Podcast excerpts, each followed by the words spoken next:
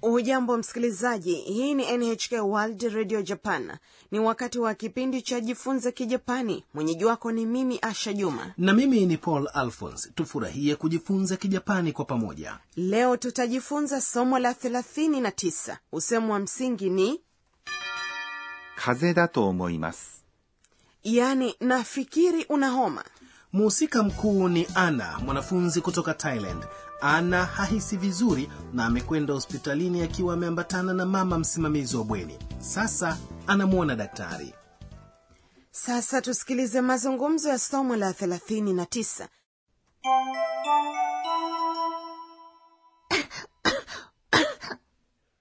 どうしましたか咳が出ます。熱も37.8度あります。喉を見せてください。風邪だと思います。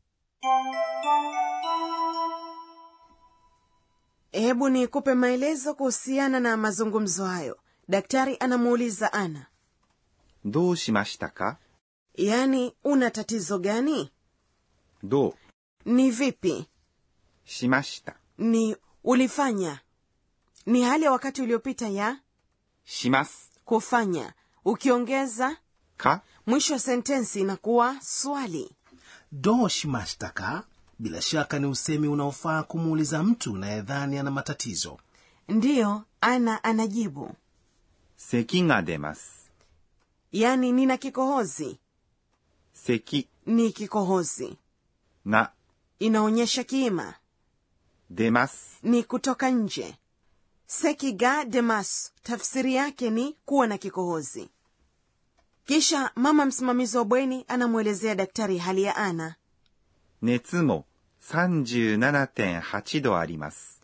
yaani pia ana joto la mwili nyuzi 37.8熱 ni joto la mwili も inamaanisha pia 37.8度。 ni nyuzi joto 37.8 37.8 ni 37.8点 ni nukta 37.8 tarakimu hii inajumuishwa na kiambishi cha kuonyesha joto la mwili 度 ambayo ni nyuzi joto. Kwa Kijapani, joto la mwili na joto la hali ya hewa huelezwa kwa selsiasi. あります。 Inamaanisha kuna au ana. Arimas inaashiria uwepo wa jambo fulani au umiliki. Nchini Japani, unapokuwa mgonjwa inakuwa ni vigumu ikiwa hutaweza kujieleza kwa Kijapani. Unatakiwa kusema nini kama unaumwa kichwa au tumbo? Kichwa ni 頭 kuuma ni. 痛いです。 Kwa hiyo ukitaka kueleza ninaumwa na kichwa, sema 頭が痛いです。 ikiwa unaumwa na tumbo, tumbo ni. お腹、 Kwa hiyo utasema お腹が痛いです。 yaani ninaumwa na tumbo. Paulson, utasemaje ikiwa unaumwa na jino? Jino ni は、 Ah, itakuwa ha ga itai desu, au sio? hiyo. Ni kweli. Daktari anasema, 喉を見せてください。 tafadhali nionyeshe koo lako. 喉 Ni koo, を inaonyesha mtendwa, 見せて、 ni umbo la te la kitenzi, 見せます。 yaani kuonyesha. Ikiwa umbo la te likifuatiwa na neno ください。 yaani tafadhali, itakuwa ni kauli ya kwamba kufanyiwa jambo fulani. Baada ya kumfanyia Ana uchunguzi wa kiafya, daktari alisema, 風邪だと思います。 nafikiri una homa. Huo ndio usehemu wa msingi kwa hii leo. 風 Ni homa だ ni namna ya kawaida ya kusema, です。 ambalo ni neno la kiungwana la kumalizia sentensi. Unasema と思います。 nafikiri kuwa unapoelezea mawazo yako, fikra au unachokisia. Tujifunze kutamka usemi wa msingi kwa hii leo. Nafikiri una homa. 風邪だと思います。 Na sasa tusikilize tena mazungumzo ya somo la 39.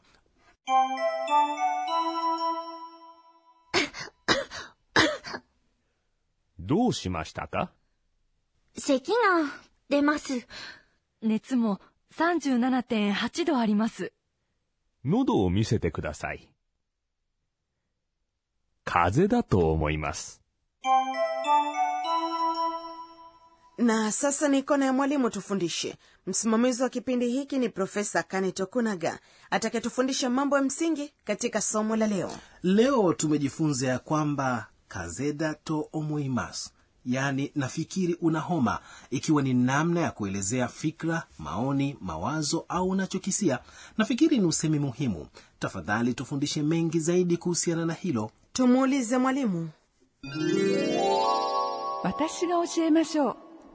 anasema unapoelezea fikra maoni au makisio yako kwanza unasema kile unachofikiria na kisha unasema と思います。 nafikiri kwamba 思います。 ni kitenzi kinachomaanisha kufikiri unaongeza と、 baada ya kile unachofikiria kabla ya と思います。 yani Yaani, nafikiri kwamba unatumia muundo wa kawaida wa kitenzi kama vile umbo la kikamusi au umbo la taa la vitenzi katika somo la 26 ulijifunza kuhusu vitenzi vya muundo wa kawaida kwa mfano tutengeneze sentensi inayomaanisha nafikiri atakuja 彼女、 inaonyesha mwanamke kuja unatumia umbo la kikamusi la kitenzi 来る。 kwa hiyo unasema 彼女は来る。 atakuja baada ya hapo utaongeza と思います。 nafikiri kwamba kwa pamoja unasema 彼女は来ると思います。 nafikiri atakuja ikiwa vivumishi vya i vinakuja kabla ya to omoimas vivumishi havibadiliki je unasemaje kwa kijapani nafikiri ni mrembo mrembo ni 美しい。 ikiwa ni kivumishi cha i kwa hiyo jibu ni 彼女は美しいと思います。 ikiwa nomino au vivumishi vya na vinakuja kabla ya to omoimas unachotakiwa kufanya ni kusema da baada ya neno hilo kwa hiyo unasemaje nafikiri hiyo inafaa kwa kijapani hiyo ni それ、 inafaa ni 便利。 ambayo ni kivumishi cha na kwa hiyo unaweka da baada ya kivumishi hicho na useme 便利だ。 kisha itakuwa それは便利だ。 hiyo inafaa baada ya hapo unaongeza と思います。 nafikiri kwamba kwa pamoja unasema それは便利だと思います。 yani nafikiri inafaa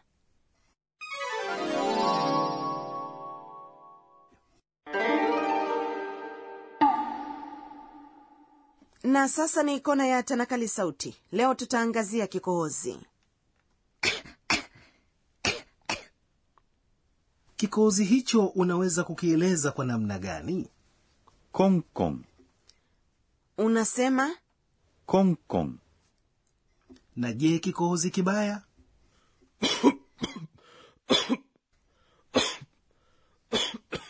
unasema ごほごほ、 ikiwa una kikohozi kibaya katika kona ya tanakali sauti hii leo umejifunza kuhusu コンコン、 na ごほごほ。